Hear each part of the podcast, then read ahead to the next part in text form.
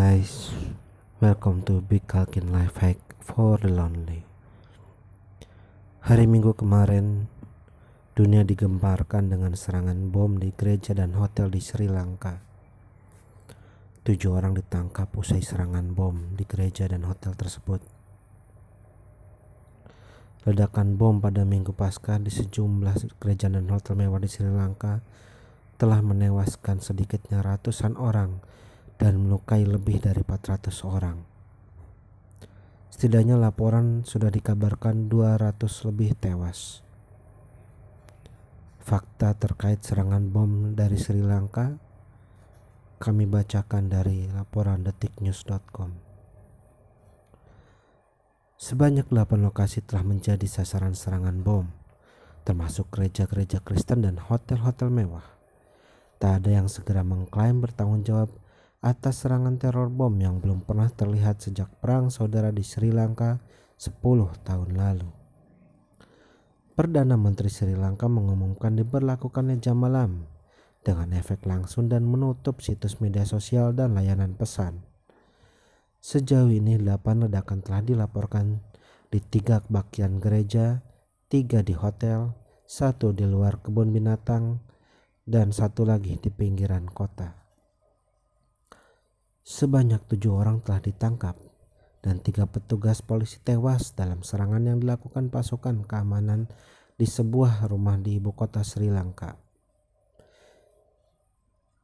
Kejadian itu beberapa jam setelah terjadinya serangkaian ledakan bom menurut pejabat adalah serangan bunuh diri.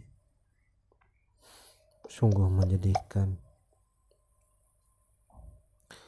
Serangan itu merenggut nyawa sedikitnya 27 orang asing.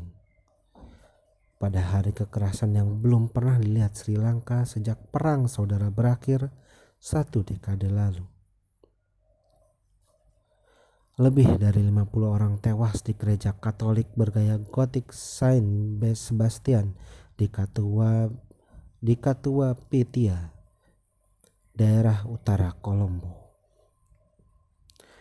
Sejumlah media melaporkan 25 orang tewas dalam serangan terhadap sebuah gereja evangelis di Batikaloa, sebuah provinsi yang terletak di timur tenggara itu. Serangan lain menargetkan jemaat gereja San Antonio Shrine di pusat kota Colombo, tetapi belum bisa dipastikan jumlah korban di lokasi tersebut. Tiga hotel terkenal di Kolombo juga turut menjadi target serangan bom, yakni Hotel Shangri-La Kolombo, Kingbury Hotel, dan Cinnamon Grand Kolombo. Belum dipastikan juga apakah ada korban di ketiga hotel tersebut. Polisi mengatakan ledakan ketujuh menghantam sebuah hotel di Dehiwela dekat Kolombo. Sementara seorang juru bicara militer mengkonfirmasi ledakan ke-8 di Dematagoda di pinggiran ibu kota. Di antara warga asing yang tewas adalah satu warga negara Belanda, satu warga negara Cina, satu warga negara Portugal, dan dua insinyur asal Turki.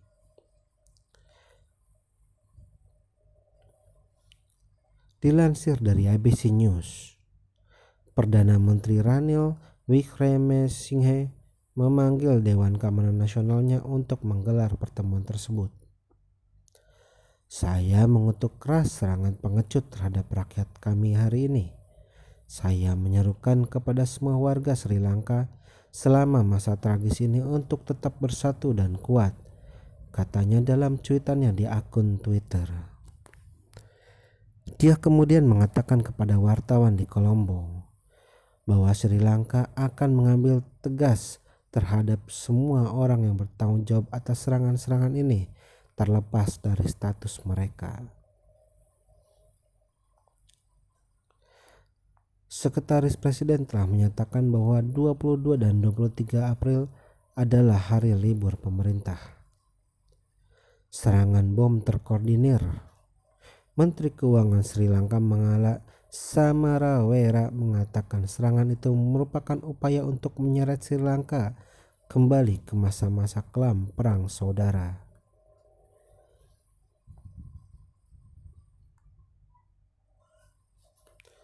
Seorang juru bicara dari Departemen Luar Negeri dan Perdagangan Australia atau DFAT mengatakan Komisi Tinggi Australia di Kolombo sedang melakukan penyelidikan mendesak dengan pihak berwenang untuk menentukan kesejahteraan setiap warga Australia yang terkena dampak. DFAT menambahkan siapa pun yang peduli untuk kesejahteraan keluarga dan teman-teman di daerah tersebut harus berupaya menghubungi mereka secara langsung atau hubungi pusat darurat konselor DFAT. Menteri Luar Negeri Australia Maris Payne membenarkan bahwa dia telah berbicara dengan Komisaris Tinggi Australia untuk Sri Lanka David Holly. Saya sangat terkejut dan sedih dengan serangan yang ditargetkan di tempat-tempat ibadah dan perayaan pada hari Minggu, tulisnya di akun Twitter. Perdana Menteri Australia Scott Morrison mengatakan kepada wartawan di Sydney bahwa masyarakat Australia turut sungkawa kepada umat Kristen dan semua orang yang tidak berdosa atas peristiwa pembantaian tersebut. Nyawa mereka yang tidak bersalah telah dirampas sekali lagi dan simpati kami yang tulus bagi semua yang berduka malam ini, termasuk kami, katanya. Kekerasan paling parah sejak berakhirnya perang saudara wanita korban serangan Sri Lanka, serangan bom tampaknya menargetkan orang-orang Kristen di Sri Lanka yang meliputi 7,4 persen dari warga Sri Lanka. Sejauh ini belum ada pihak yang mengatakan bertanggung jawab atas serangan tersebut.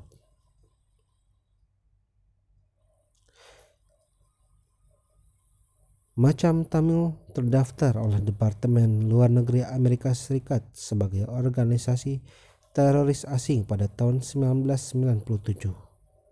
Namun, apakah ini perbuatannya? Belum ada klaim khusus dari organisasi-organisasi yang bertanggung jawab. Saya Big Kalkin Life Hike for Lonely turut berduka cita dan berbela sungkawa.